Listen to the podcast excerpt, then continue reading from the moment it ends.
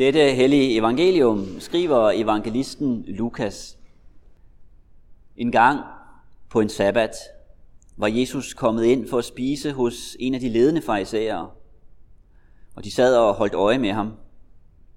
Der stod der foran ham en mand, som led af vand i kroppen, og Jesus spurgte de lovkyndige og farisæerne, er det tilladt at helbrede på sabbaten, eller ej? Men de sagde ingenting. Så rørte han ved manden og helbredte ham og lod ham gå. Derpå sagde han til dem, hvis en af jer har en søn eller en okse, som falder i en brønd, vil han så ikke straks trække dem op, selvom det er på en sabbat? Det kunne de ikke svare på. Da Jesus lagde mærke til, hvordan de indbudte udvalgte sig de øverste pladser ved bordet, fortalte han dem en lignelse. Når du bliver indbudt til et bryllup, så sæt dig ikke øverst ved bordet. Måske er der indbudt en, der er fornemmere end du. Så kommer han, der har indbudt jer begge, og siger til dig, giv ham din plads. Så må du med skam indtage den nederste plads. Nej, når du bliver indbudt, gå derhen og sæt dig på den nederste plads, så at han, der indbød dig, kan komme og sige, min ven, sæt dig højere op. Så bliver du hædret i alle gæsternes påsyn. For enhver, som ophøjer sig selv, skal ydmyges, og den, der ydmyger sig selv, skal ophøjes. Amen.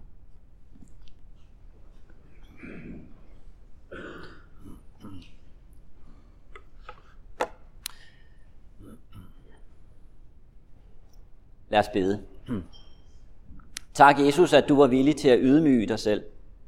Tak, at du var villig til at gå ind i ydmygelse, i foragt for andre, for at redde mennesker,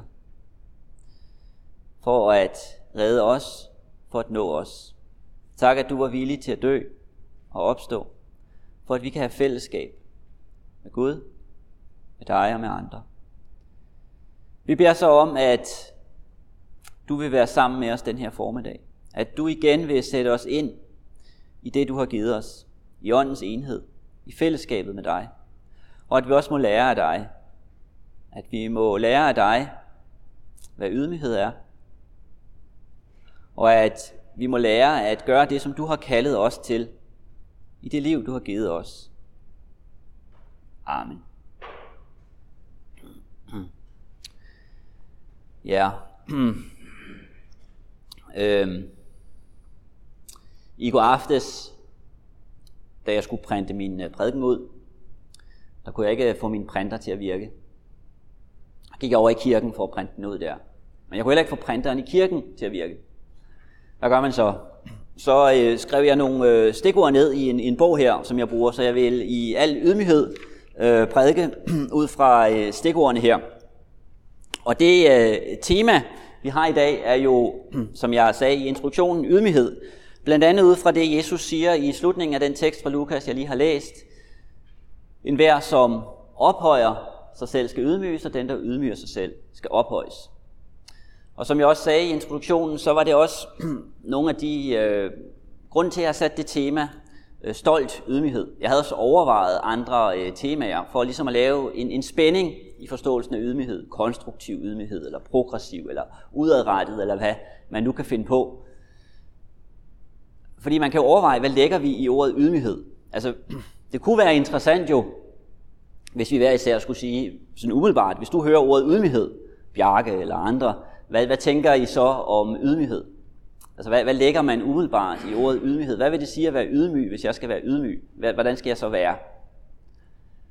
Øhm, og øh, det, som jo er kendetegnende for sådan et ord, det er, at det let kan misforstås. Det let kan misbruges. Øhm, noget, som vi møder i, øh, i beretningen om Jesus i dag, det er menneskelig selvhævdelse og menneskelig hovmod. Og det er en del af det menneskelige liv. Mennesker, der er i fællesskab, betragter hinanden, vurderer hinanden, og det kan man jo gøre på forskellige måder. Jesus gør det jo også. Altså hvis vi ikke har syn for hinanden, så er det jo et problem. Men man kan have syn for hinanden på forskellige måder. Man kan have syn for hinanden på en sådan måde, at det bliver et spørgsmål om at hævde sig selv på bekostning af andre.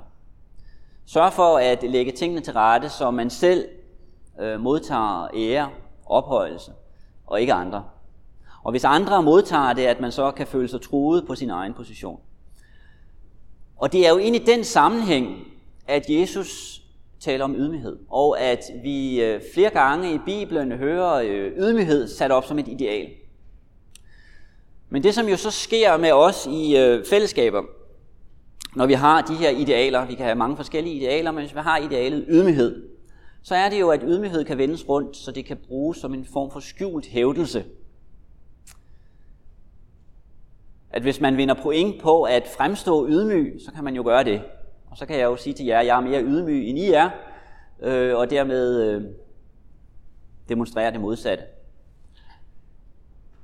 Der har øh, i tidens løb også været på forskellige måder en kritik af det kristne begreb om ydmyghed. Og der er en, øh, en brød i, øh, i kritikken, som det kan være godt at øh, stoppe op overfor og overveje. For på den måde også at overveje, hvad er det egentlig, Jesus mener med ydmyghed, og hvordan er det, han selv praktiserer det. Hvad er det, han gør, og hvad er det, han ikke gør. Der var en i 1800-tallet, en tysk filosof, der hed Nietzsche, som brugte en hel del tid og bøger på at kritisere kristendommen.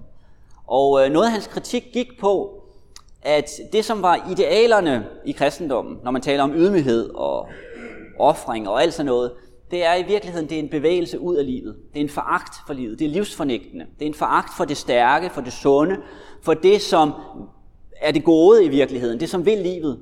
Så man trækker sig ud af livet, man trækker sig væk. Øh, det er en form for en undskyldning for grusomhed. Så dem, som egentlig ikke har øh, magten til at begå sig i livet, de siger så bare, at de er ydmyge, fordi de kan ikke finde ud af andet. Og så øh, foragter de øh, dem, som kan noget mere end dem selv. Den her form for øh, livsfornægtelse er det, at øh, Nietzsche kritiserer. Men det er jo ikke den form for livsfornægtelse, som Jesus øh, gør gældende. Når Jesus taler om ydmyghed, og når han praktiserer ydmyghed, så det er jo ikke, fordi han holder sig tilbage. Lad os se, hvordan øh, Paulus også formulerede det i den anden læsning fra Efeserbrevet hvor han siger, jeg der er fange for Herrens skyld, formaner jeg da til at leve, så det svarer til det kald, I fik. Med al ydmyghed og mildhed, med tålmodighed, så I bærer over med hinanden i kærlighed, og stræber efter at fastholde åndens enhed med fredens bånd. Her er der også også tale om ydmyghed. Og det, som der kaldes til, når der her tales om ydmyghed, det er til kamp. Det, der kaldes til her, er ikke at trække sig ud af fællesskabet, væk fra mennesker, trække sig ud af livet, væk fra det besværlige. Så øh, når kampene opstår, at man så holder sig væk for at være ydmyg.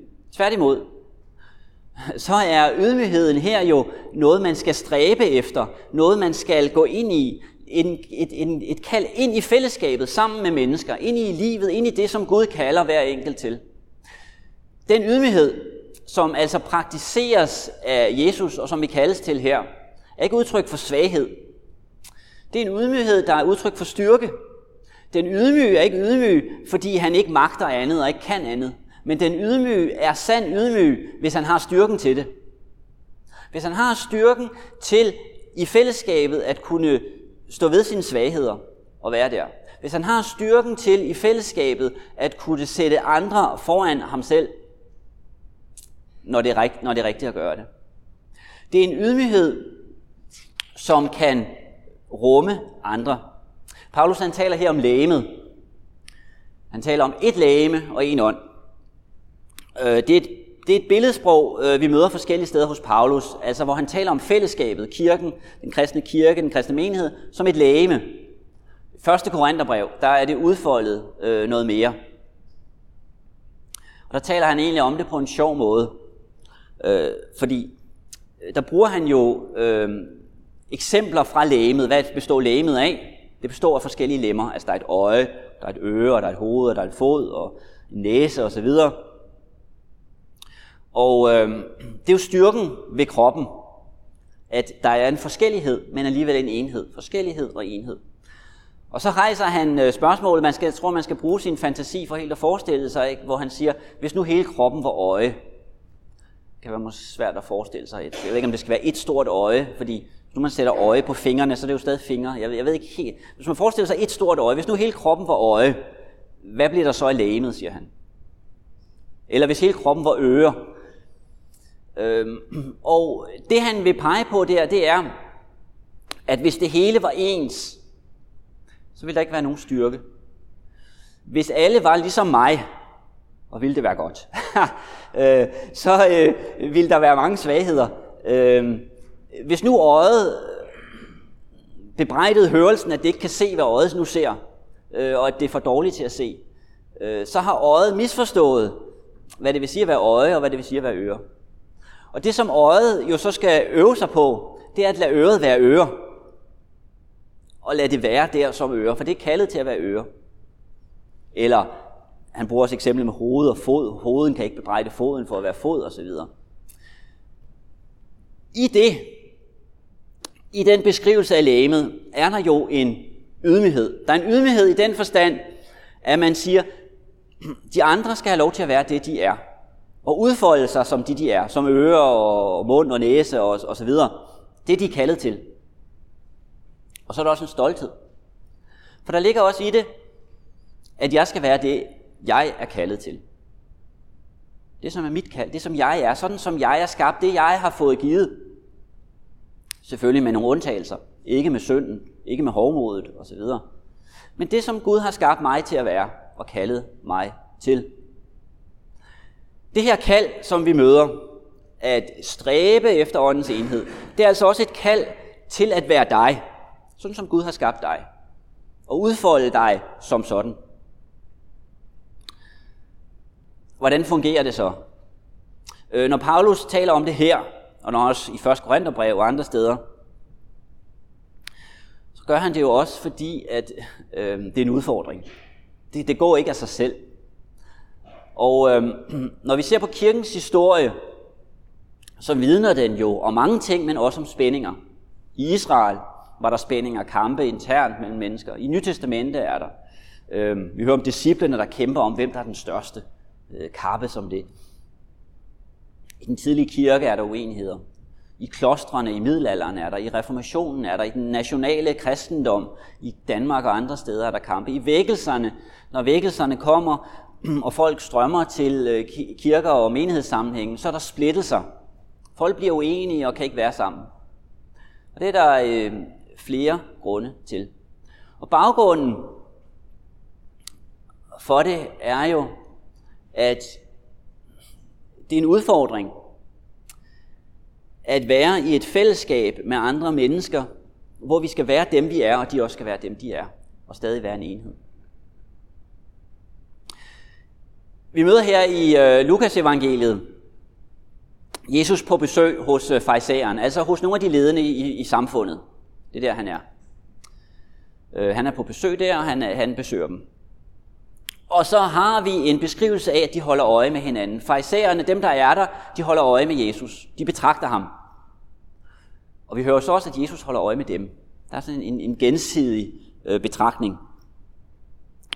Og øh, umiddelbart kan man jo sige, det er noget naturligt. Sådan er det at være i et menneskeligt fællesskab. Øhm, der er jo noget øh, godt i det, i den forstand, at hvis vi ikke havde syn for hinanden, så ville det jo være et problem.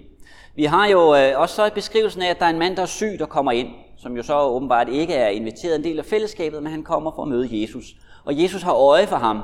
Og ikke bare øje for, at han nu er der, men øje for hans svaghed. Og vil møde ham med det. Han har øje for ham, han har syn for ham. Der er så også nogen, der har øje for Jesus, og det er jo så af andre grunde. Det er fordi, de vogter på ham, ser skævt på ham. Så man kan have øje for mennesker på forskellige måder. Noget, som Jesus så gør i det her fællesskab, han er en del af, det er, at han begynder at bebrejde dem. Han lægger mærke til, at de kæmper om at være forrest, om at være de bedste på bekostning af andre. Og hvis man så rejser spørgsmålet, hvordan administrerer Jesus sin ydmyghed i det her fællesskab? Hvordan er Jesus ydmyg? Så en ting, han i hvert fald ikke er ydmyg, en måde, han ikke er ydmyg på, det er ved at trække sig væk. Ved at ikke gå ind øh, i det besværlige. Tværtimod. Han træder så at sige ind i centrum. Han gør sig sårbar ved at øh, gøre noget, som de andre i hvert fald er i tvivl om, er helt rigtigt at helbrede på en sabbat. Og så gør han mere end det. Han begynder at bebrejde dem. Han begynder at bebrejde dem deres hovmod i fællesskab. Hvad er det for en øh, form for øh, ydmyghed? At stille sig selv i centrum. Når Jesus praktiserer ydmyghed, så er det altså ikke en selvudslættende ydmyghed. Så er det ikke en ydmyghed, der siger, min stemme skal ikke høres. Jeg skal heller ikke bidrage med noget. Jeg kan heller ikke noget. Jeg skal heller ikke gøre noget. Men han træder ind midt der, hvor der bliver lagt mærke til ham, og hvor det gør ondt. Han træder ind i det, som er hans kald. Noget lignende er det, der ligger i det, Paulus skriver her. Når han skriver, skal bære over med hinanden i kærlighed og stræbe efter at bevare åndens enhed. Han, han taler altså her om, at, at vi skal være stræbere, så at sige. Vi skal være stræbere. Han siger til os, hold dig ikke tilbage. Eller for at formulere det på en anden måde, stil dig ind i centrum af dit liv. Stil dig ind i centrum af dit liv. Stil dig ind der, hvor Gud har kaldet dig til at være. Det, som er dit kald. Og så kan det godt være, at andre øh, kan se skævt til dig. Men hvis det er dit kald, så må du være der. Og din øh, ydmyghed i livet er så at gøre det. Gør det, som du er kaldet til, og bære det. Så siger Paulus videre, at det vi skal stræbe efter her, det er at bevare åndens enhed. Bevare åndens enhed. Og så sætter han forskellige ord på det. Et lægeme, en ånd, et håb, en herre, en tro, en dåb, en Gud. Det han angiver her, det er, at det han beskriver, det er ikke noget, vi skal skabe. Det er ikke noget, du skal skabe, det er ikke noget, jeg skal skabe. Men det er noget, der er givet. Det er noget, der er her på forhånd.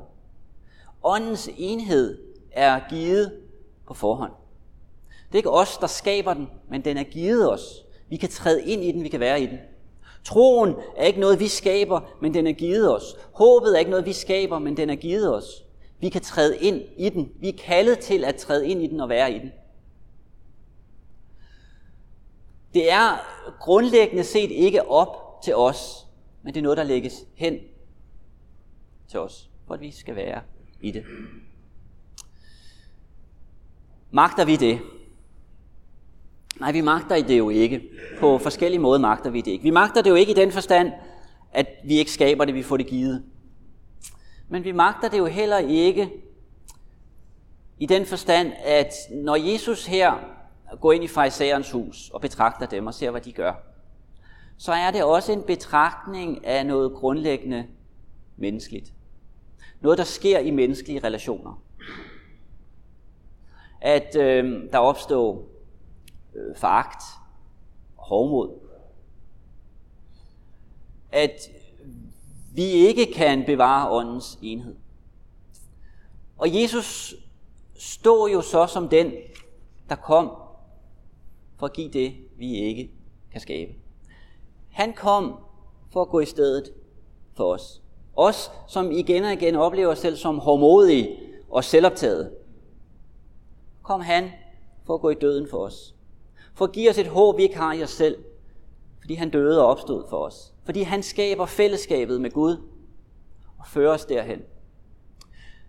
Det er baggrunden for, at Paulus kan sige, at vi kan stræbe. Fordi vi har fået det givet. Vi har fået det givet for intet, og vi må give det videre for intet. Vi har fået det givet, fordi Jesus var villig til at ydmyge sig. Og gå ind i den her verden og møde hån og spot og gå ind under Guds dom og vrede, for at ødelægge helvede og skabe himlen for os. Det har han gjort. Det har han lidt for. Fordi han ønsker, at vi skal være der. Derfor er det ikke øh, ydmyghed at trække sig tilbage. At trække sig tilbage fra det fællesskab er i virkeligheden hovmod. Det er ikke at se det, han har gjort for os. At han var villig til at lide for os. Ydmygheden er så at gå ind i det, som han kalder os til. Ind i fællesskabet med ham, med Gud og i den kristne kirke. Jesu ydmyghed, kan man sige, er progressiv. Den er fremadrettet. Den er ikke tilbageskuende. Den ønsker at skabe noget. Skabe fællesskab. Fællesskab med ham, med Gud og med mennesker. Den øh, første læsning, vi hørte i dag, var om solen. Solen ja. Fra salme 19. Og øh, Jesus han bruger jo også nogle gange naturen som billeder og forbilleder, og bruger dem til at illustrere forskellige pointer. Han kan tale om, at Gud lader sin sol stå op under, over undergået. Han kan tale om, at vi skal se på fuglene på himlen og liljerne på marken, for at øh, lære af dem, lære ydmyghed af dem. Noget af det, som jo kendetegner solen, hvis vi taler i overført betydning, så kan vi sige, at solen er ydmyg. Den er ydmyg i den forstand, at den gør, hvad den har fået besked på, det den er kaldet til. Den er sat til at bevæge sig der på himlen. Det er dens vidnesbyrd. Det er dens ydmyghed. Men umiddelbart kunne vi jo, hvis vi igen taler i overført betydning, Øh, kunne det jo synes for os, som om solen er slet ikke ydmyg. Tværtimod, den er stolt. Den gør opmærksom på sig selv. Den sætter sig selv i centrum. Øh, der bliver lagt mærke til den. Men dens ydmyghed består i, at den gør det, den er kaldet til. Der, hvor Gud har sat den. Det ville være hårdmodigt af den, hvis den sagde, jeg gider ikke gøre det, som Gud vil, at jeg skal gøre. Jeg vil selv finde på noget at gøre. Jeg vil trække mig tilbage og øh, være et andet sted. Det vil være hårdmodighed. På lignende måde er vi kaldet. Kaldet til at gå ind i det liv, der er vores. Der, hvor vi er sat. For at være der. Stræbe efter det. Øve os i det. Lykkes det så for os? Ah, ikke altid. Men øh, derfor er det jo, vi igen og igen hører opmundringen formaningen, tilskyndelsen til at stræbe efter det, til at vende tilbage til det. Gå ind i ydmygheden og lære Jesus. Se, at han har givet os, hvad vi ikke har i os selv, for at vi kan udfolde os, som han har skabt os. Øhm, her midt i november, der er der øh, kirkelejr. Otvar Sjøvik kommer igen. Han var, han var med på vores kirkelejr for nogle år siden. Han kommer igen og er sammen med os. Og temaet det er Følg mig, det er om discipleskab. Han skal øh, sige noget om. Og noget af det, jeg har sagt i dag, handler jo også om øh, det. Om det, vi er kaldet til at være lære Jesus og gå ind i, øh, i vores kald. Og øh, Otvar Sjøvik, han har øh, sendt en øh, præsentation her, øh, hvor han vil sige lidt om, øh, om kirkelejren, og øh, den skal vi høre.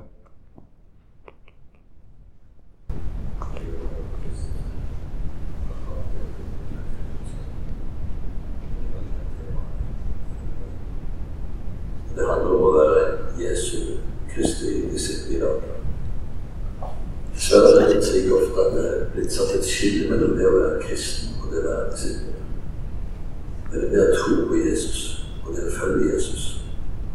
Mellom det å ha Jesus som frelser og det å ha Jesus som Herre. Men det er et skille som ikke findes i Bibelen. Det er samme sak.